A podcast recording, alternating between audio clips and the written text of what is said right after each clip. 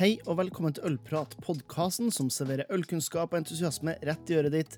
Mitt navn er som alltid Jørn Idar, og i dagens episode så har jeg med meg en herremann som driver Norges største hjemmebryggerkjede, nemlig Brygg selv, i tillegg til en av de største leverandørene på råvarer til eh, Håndverksøl-Norge, Craftco. Og Eirik Skjønse tok eh, seg tid til å prate med meg om veien fra Daves Homebrew i Australia til eh, Norges ledende hjemmebryggerbutikk. Så her er det bare å fylle opp kaffekoppen, eventuelt glasset med noe høyt skummende i, lene det tilbake og kos deg med praten jeg hadde med Eirik Skjønse.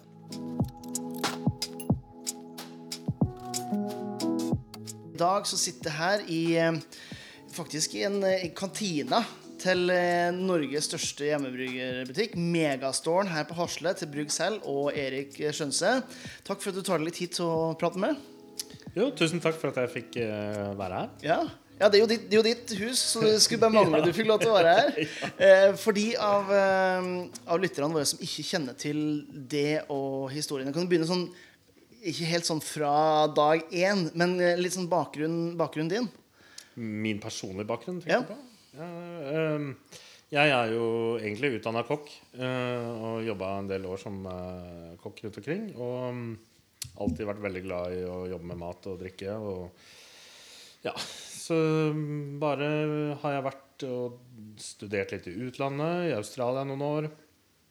Det eh, var veldig morsomt. Og så, da jeg kom tilbake i Norge, så begynte jeg å jobbe litt for familiebedriften som mm mine foreldre drev. Mm. Det var en blomsterforretning? Eh, det, var, det, var, ikke en blomsterforretning, men eh, det var et import eh, Angro-firma som solgte eh, ja, vaser og julepynt og alt mulig rart mm. sånne type ting til eh, blomsterbutikker, gaveinteriørbutikker og sånn. Og, og, i tillegg til det så holdt moren min da blomsterbindingskurs. For uh, folk som ville videreutdanne seg, eller ha holdt kurs for Nav og sånn. Arbeidstrening, ja, sånne type ting. da Så mm. folk som ville få en innføring i blomsterdekorering, de kunne gjøre det. Ja. ja, for vi er jo i de originale lokalene til den bedriften, ikke sant? Eh, vi er i samme bygget, ja, samme men eh, lokalene var bare på andre sida av bygget. Mm. Uh, så vi har bare flytta noen meter, egentlig. ja, ja, for jeg husker Jeg var jo her Det må være sikkert ni år sia. Jeg kom innom døra her åtte-ni år sia. Mm. Uh, og banka på døra. Det var ikke noe skilt, eller noen ting, men jeg trodde jeg hadde rett adresse. Og så kom du bort, og husker jeg fikk gå inn i, i kjøla, da, som var en gammel eh, blomsterkjøle. Mm, um, og da var det egentlig bare nesten et sånt hull i veggen. Mm. Uh, og nå er det som er kjent som Brygg selv, blitt et, et nasjonalt uh, fenomen, om man kan si det sånn. Men i hvert fall med, med mange butikker rundt om i, i landet. Hvordan, hvordan starta tanken med å, å, å, å, starte en hjemmebryggerbutikk, og etter hvert en kjede? da? Nei, det starta Egentlig så eh, var det en idé som bare datt ned i huet mitt uh, midt på natta. Og jeg uh, Men jeg tror frøet ble sådd når jeg bodde i Australia og studerte der. Mm. For da bodde jeg rett over gata fra en hjemmebryggebutikk som het Daves Homebrew. Og på det tidspunktet så visste jeg ikke at, Jeg visste ikke noe om øl, egentlig. Jeg visste ikke Nei. hvordan man lagde det i det hele tatt. Så jeg endte opp med å gå innom der en dag og snakke med Dave, da, som han het. Ja. Uh, og jeg ble jo sikkert en av hans mest slitsomme kunder. Uh, tilbrakte mye tid der. Og begynte å brygge. Og selvfølgelig så begynte jeg da også å brygge uh, sterke belgiske øl. Mm. Jo sterkere, jo bedre, selvsagt. Og ja. Eh, I Australia er det jo gjerne 40 grader om sommeren, så det sto gjerne godt i den temperaturen. Ja. Men moro var det. Ja. Eh, og jeg ble hekta. Og når jeg flytta da hjem til Norge igjen, så fikk jeg lyst til å begynne å, å brygge her. Ja. Når, når, var det? Eh, det var vel i ja, 2000 og Kan det ha vært da? 2004-2005? Noe mm. sånt. Husker ikke nøyaktig året. Så det, det Midt på 2000-tallet, i hvert fall. Ja. Eh, og så Da gikk jeg da til en annen bryggebutikk som var i Oslo-området, og um, begynte å handle der. Mm. Og um, det var eh, ikke noe spesielt bra opplevelse. Og jeg hadde noen dårlige eh, opplevelser med litt sånn død gjær og sånn. Og eh, ja, det, det var ikke Det var ikke sånn du var vant til? Det var ikke som Dave's Sombrer. Liksom. Nei, nei. De, hadde mye, de solgte mye andre greier som ikke hørte til ølbrygging. Og det var liksom, ja. ja. blanda konsept, da. Eh, og så på den tiden så jobbet jeg da for eh, familiebedriften. Og eh, den gikk eh, ikke så bra. Eh, fordi eh, mange av disse kjedene som var Eller mange av de butikkene vi solgte til, de gikk inn i større kjeder. Og så eh, fikk de sine egne innkjøpsavdelinger, kjøpte direkte selv. Så vi mista mye av kundegrunnlaget. Og foreldrene mine begynte å bli nærme seg pensjonsalder, så de begynte å bli lei hele greia. Ja. Og jeg hadde ikke samme passion for julepynt som jeg har liksom for mat og drikke. Så det liksom Jeg oppdaterte CV-en min og begynte å tenke hva skal jeg gjøre nå? Eh, og var veldig usikker på det. Og så var det bare en natt. Jeg våkna midt på natta. Og da bare datt det ned i huet mitt at jeg må jo starte en hjemmebryggbutikk. Jeg må bare gjøre det. Dette kan jeg gjøre. Jeg kan service. Jeg, kan, jeg har eh, entusiasme og vilje, så hvorfor ikke? Og da kjøpte jeg det domenet Da kjøpte jeg Brygg selv eh, den natta. og neste dag så begynte jeg å jobbe med en nettside, og så var vi i gang, egentlig. Ja. Og siden da så hadde det jo eh, det man kaller på godt norsk balla litt på seg. Eh, Brygg selv er jo kanskje det de hvermannsen kjenner mest til.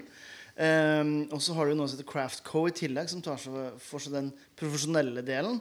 Um, men la oss begynne med, med Brygg selv. da Hva, Sånn som det er per i dag, da, Hvor mange butikker er det, er det som, har, eller som er Brygg selv nå?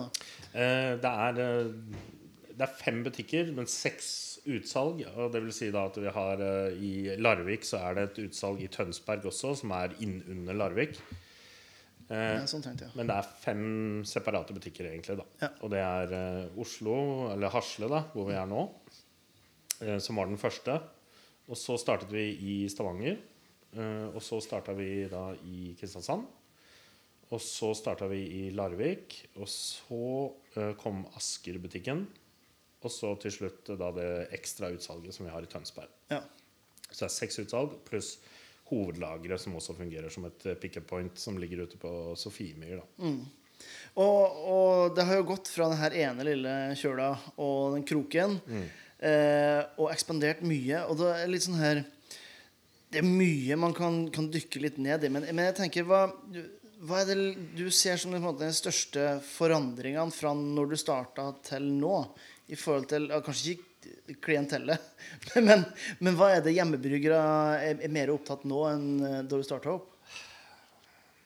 Jeg tror folk er mer eh, fokusert på detaljene nå enn det de var da. Altså, før så var det liksom sånn Hver dag så hadde vi sikkert ti nybegynnere innom som ikke visste at det gikk an å brygge øl. Ja. Og som alle ble like sjokka når de fant ut at de faktisk kunne gjøre det. Og selvfølgelig skulle da gjøre det Ja, ja. med en gang.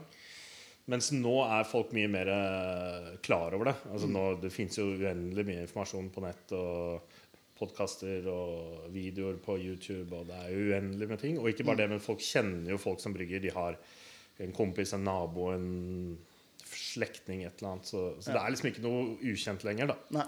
Jeg tror det har kanskje endra seg mest. At folk som kommer inn i butikken nå, de vet mye mer enn det de visste før. Og blir litt mindre sjokka, på en måte. Ja. Kanskje litt mer sånn kravstor også? Ja, jeg vil si det. Ja. Folk stiller høyere krav og vet mer om råvarer og skal ha riktige årganger og sånne type ting. Mens det var liksom ikke så mye tema før. Da var det mer eh, Man tar det man får, liksom. Kan jeg brygge en blå chimay, liksom? Er Ja. det mulig? Ja, for at, eh, Det var en av de tingene jeg huska. Jeg, jeg traff det og, og kona di, som òg er i, eh, i firma. I USA. Det er jo her må jo være sikkert seks-sju år siden. Og dere om dere var, det hadde vært og sett på det tidspunktet på en, på en ny eh, pakkemaskin til humle. Eh, så det, det stilles jo helt klart en del, en del krav til dere som, som kjøper og selger for eh, diverse produsenter også. Hva er litt sånn her kall det sånn behind the scenes som folk kanskje ikke er klar over når de kommer inn i butikken her i forhold til de kravene som stilles til dere? Ja, nei, det er jo selvfølgelig ganske strenge krav. Eh, det varierer jo veldig fra eh, produkt til produkt. Men sånn som humle er jo veldig strengt, og det styres jo av et veldig, veldig, veldig Det er veldig få aktører egentlig som sitter på toppen. Ja. Um, egentlig bare to store. Og de kniver veldig hardt mot hverandre òg. Så det er liksom sånn enten er du med oss eller mot oss, og du følger våre regler, eller så er du ute. Og Høres nesten ut som amerikansk politikk. det der eh, Uten at vi skal... det er faktisk litt sånn. ja, La oss ikke hoppe opp i det vepsebordet der. Nei, gjerne helst ikke. Men, men, eh, men, men hvordan For nå er det jo Brygg selv er jo, det, er jo den store i Norge. Eh, Kan du da handle fra begge, eller har, du valgt ut på en måte én som du jobber med? Vi, eh, vi hadde én, og så har vi gått bort ifra det. Og vi har bestemt oss for at vi ønsker å være mer um, uavhengige og kunne velge hva vi vil, når vi vil. Og det skyldes egentlig rett og slett at den vi hadde, hadde stilte for høye krav til oss Ja. som vi ikke kunne akseptere. Og det var ikke i forhold til kvalitet eller hvordan vi behandla varen. Det var mer det at eh, de satte restriksjoner for oss i forhold til hvem vi kunne selge til og ikke selge til. og eh, Ja, okay. ja, sånn type ting. Og det, da føler vi at det går litt for langt, rett og slett. Og det, ja.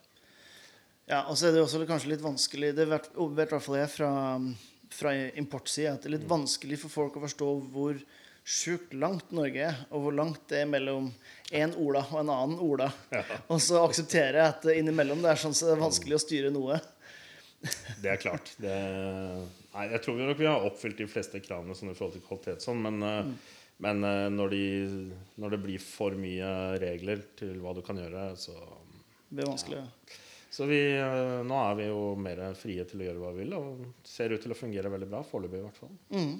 Så hva, noen av de, de tingene som du, som du nevner, at folk vet mer enn mm. har, har du fått noen spørsmål noen tilbakemeldinger nå som, du bare, som hadde vært helt hinsides eh, å tenke på for, eh, for ti års tid siden når du, når du starta opp? Ja, det, det vil jeg Har, jo si. har du noen eksempler, da? Selvfølgelig. Altså, Neipa er jo liksom Der er det jo mye eh, som skjer som ingen ville funnet på å tenke på før. Sånn som dette med oksygen eh, Frykten for oksidering er jo, var jo ikke til stede før. Eh, på det. det er noen som hadde lest litt om det, kanskje, men nå går jo folk ganske langt i å, å, å prøve å holde dette så oksygenfritt som mulig. Og alt det utstyret og det type ja, tilbehøret da, som vi selger i forhold til det, er jo helt utrolig. Det er helt utrolig hvor mye penger man kan og vil er villig til å bruke på det for å hindre oksygen i den eh, neipaen. Da. så det er jo det er bra for oss, for så vidt. Vi selger jo mer varer. Og eh, det er jo kult at folk bare vil prøve å produsere det best mulige produktet. Liksom. Men mm. det kan jo hende at av og til at det, går litt langt for noen, da. Jeg må innrømme, når jeg ser de som setter opp hele boder eh, dedikert til eh, bryggeriet sitt, og det er liksom det er Blikkmann og rustfritt stål fra topp til tå, så eh, da tenker jeg det, det det hadde blitt en, en veldig omfattelig fattelig hobby, i hvert fall. Ja, ja. Men det, er jo, men det er jo morsomt, da. Jeg, jeg, jeg husker jo sjøl fra den tida da jeg brygga veldig aktivt, at eh, det, det her uttrykket, og det lever ennå, altså 'everything but the kitchen sink'. Det var en sånn typisk sånn hjemmebryggersyndrom at du tok eh, en øl som du likte godt, og så skulle du bare putte alt mulig av krydder og urter og bær og frukt i hele tatt. Um, og så gikk man litt bort fra det, og så plutselig så kom pastry stout inn, i, inn i bildet. Um, hva er noen av de, de stilmessige endringene du har sett hjemmebryggere er interessert i? Du nevnte jo Neipa her, da. Ja, Neipa, altså IPA har liksom vært eh, Det har jo aldri gått over. Eh, Så lenge jeg kan huske, så har liksom IPA alltid vært det vi har solgt mest av når det kommer til ølsett, f.eks. Og så har Neipa nesten nådd opp til IPA, på en måte, men ikke helt. Eh, Men det har vært veldig mye IPA, og med den Neipa-trenden på toppen, så har det jo liksom vært nesten bare humlefokuserte øl de siste årene, føler jeg. Ja. Altså i, Sett bort ifra sånn som pastry stout, f.eks., men jeg tror det er, tilhører en mer nisje da enn enn IPA og, og Neipa, egentlig. Ja.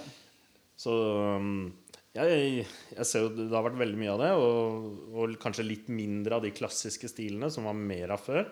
Men jeg tror det er på vei tilbake igjen. Altså, det tror jeg. Og håper. Mm. Ja. For jeg personlig er veldig glad i en god uh, tysk schwarzbier eller uh, weissbier. Eller, Mm. Jeg liker de klassiske stilene. og Det, jeg tror folk har godt av å prøve seg på de også av og til. Ja, ja det tror jeg også. Gjør det litt, uh, gjør det litt enkelt Mm. for seg sjøl. Ja, absolutt. Mm. Og så er det jo det er jo gode ølstiller som veldig mange liker. da det, Mm. det er ikke noe som stikker seg ut på samme måte som ja, en pastry stout eller en helt vill neipa. Som Nei. også for øvrig er kjempegodt, men ja.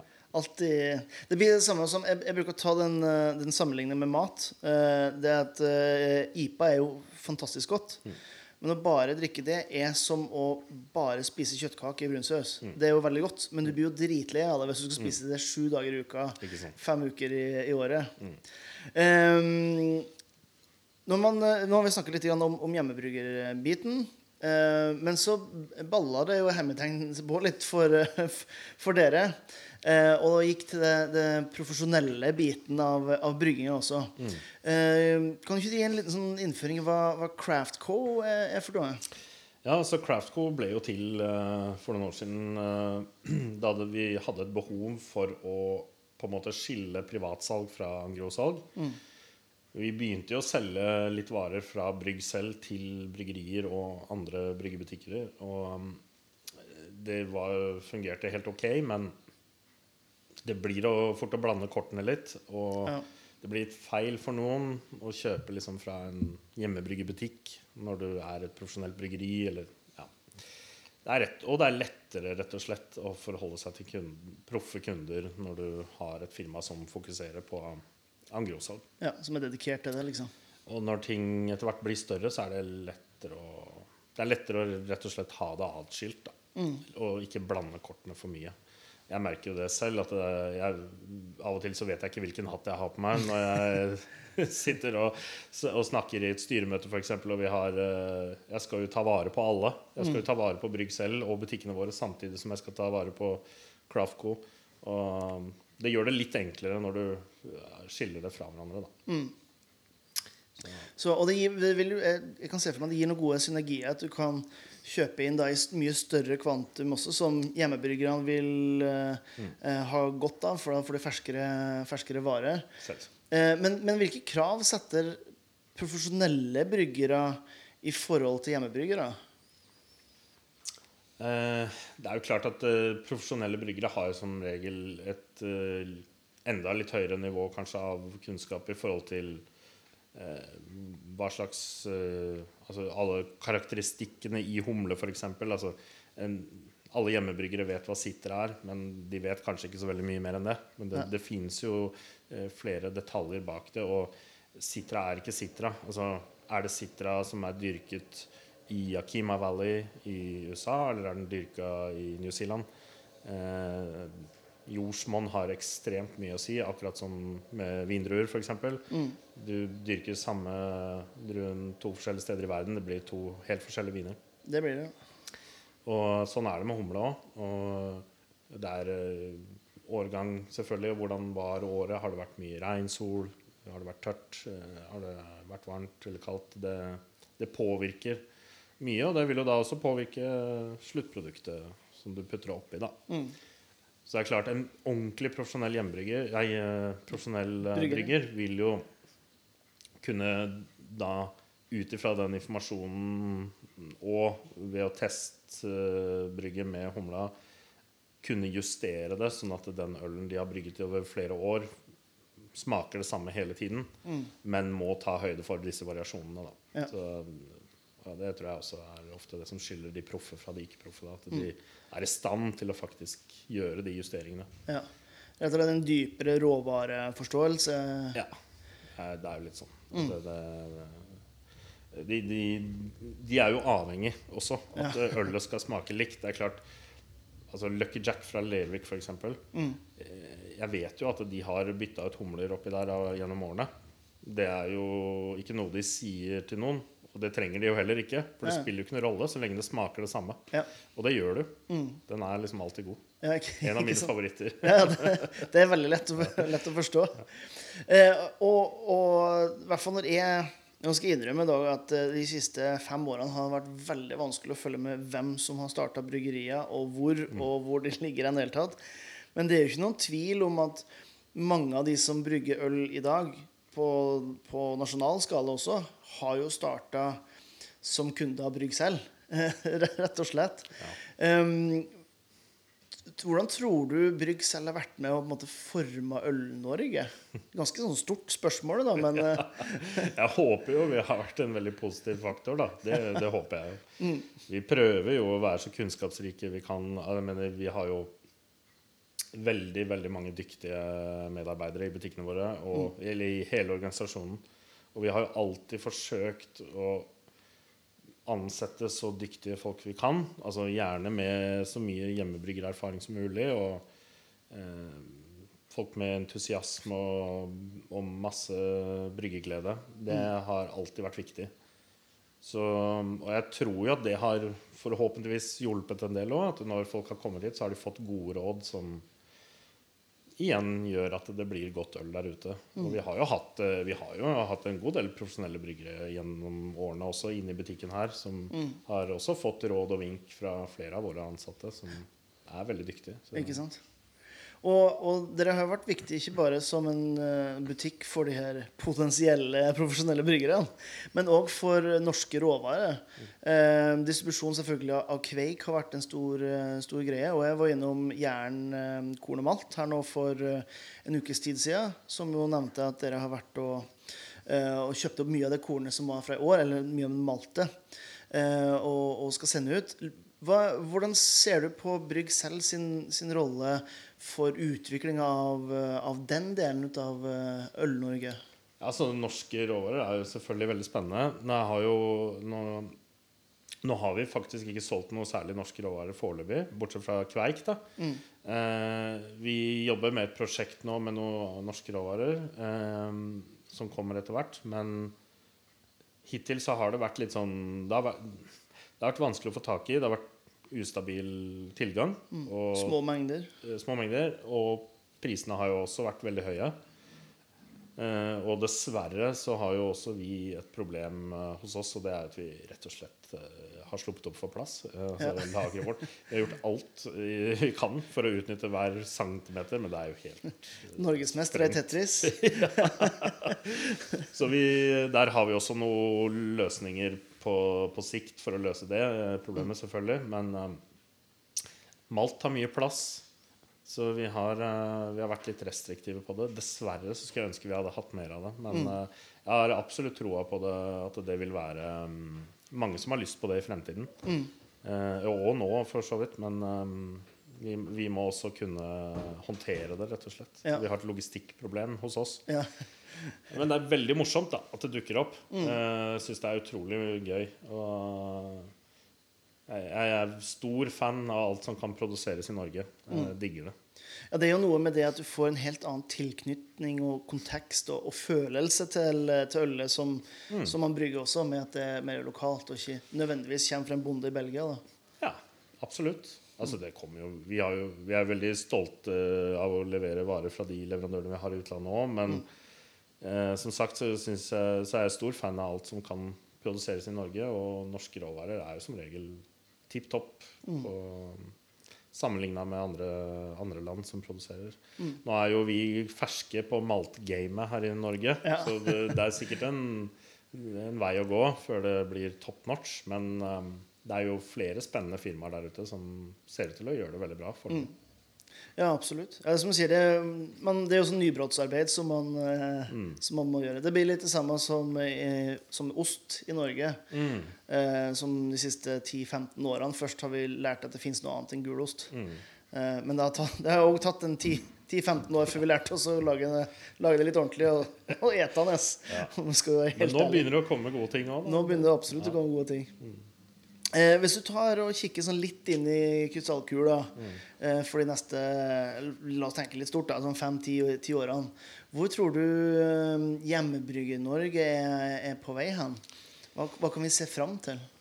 Ja, altså, i, jeg tror jo det vil jo stabilisere seg mer da, og bli en eh, ja, altså, Det er jo kommet for å bli, det er ikke noe tvil om det. Og selv om den største hypen er over, på en måte der hvor alle hipsterne begynte å brygge, for å si det sånn, det jo, den er litt over, og nå er vi over i en ny fase. Litt mer sånn allemannseie, kanskje? Ja, jeg vil si det. Eh, Det er blitt veldig veldig vanlig. Altså, det er alle mulige slags typer mennesker som brygger øl og syns det er veldig gøy. Og det, det er liksom ikke forbeholdt eh, bare en, en hype lenger, da. Det er blitt en eh, ja, en veldig vanlig ting, egentlig.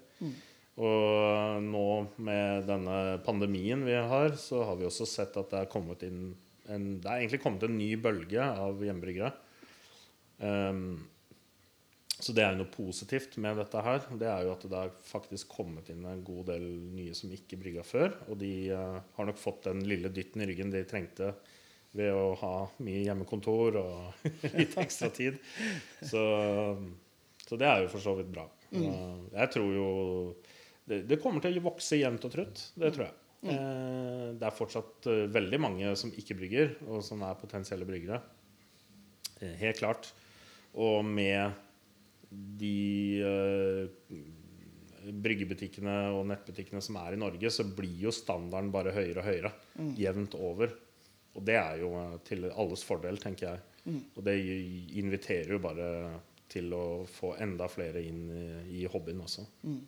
Ja, Vi har jo alle smakt hjemmebrygget som man får servert av eh, kollegaen eller kompisen, og så smaker man på og tenker man, ja, det var interessant.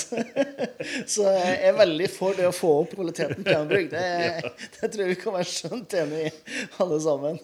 Det er nok, eh, det er nok en bra ting. Ja, det tror jeg. Eh, før, vi, eh, før vi avslutter, så skal jeg stille det spørsmålet som jeg stiller alle som er med på, på Ølprat. Og det passer jo spesielt eh, bra med du som er både glad i øl og glad i mat. Eh, hvis du kan tenke deg en, altså en helt kanon øl- og matkombinasjon, hva, hva ville du tenkt på, på, på da? Det er så mye, vet du. Det er så mye. Men altså, jeg er jo Jeg har alltid vært veldig glad i uh, belgisk øl. Det må jeg innrømme.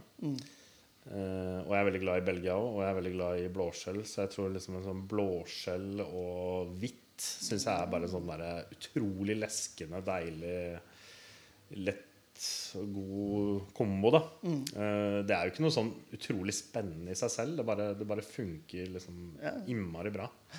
Eh, ellers så syns jeg også det er veldig godt med en um, eh, dobbellipa til eh, pinnekjøtt. Jeg vet ikke om det bare er eh, meg som syns det er veldig godt. Jeg har hørt det noen andre sånne freaks som har nevnt det før. ja. Jeg liker det veldig godt. Ja. Ja, men Det er bra. Det er jo noe klassisk da med molfritt og, Ja. Og en, en del i hvitt. Det skal mye til for at det går gærent. Eller en blond, da. Så. Ja, Blond også funker. Ja. Enig i det. Nei, men Erik, da vil jeg bare si tusen takk for at du tok tid til å prate med meg. Tusen takk. Og så får vi håpe at uh, vi alle får smake noe deilig hjemmebrygg i, enda deiligere hjemmebrygg i tidene som kommer. Det håper jeg. Takk til Eirik som tok seg tid til å prate med meg, og ikke minst takk til dere som hører på. Eh, Dette var den siste episoden i regi av Bear Enthusiast, og fra og med november så er Ølprat å finne under Høyt skum, eh, ølbloggen som jeg har drevet de siste ti årene. Så frykt ikke, jeg skal fortsatt dra med med interessante ølfolk inn i ørene dine og del av ølkunnskapen deres. Eh, Så får du huske til neste gang at gode folk fortjener godt øl. Thank you.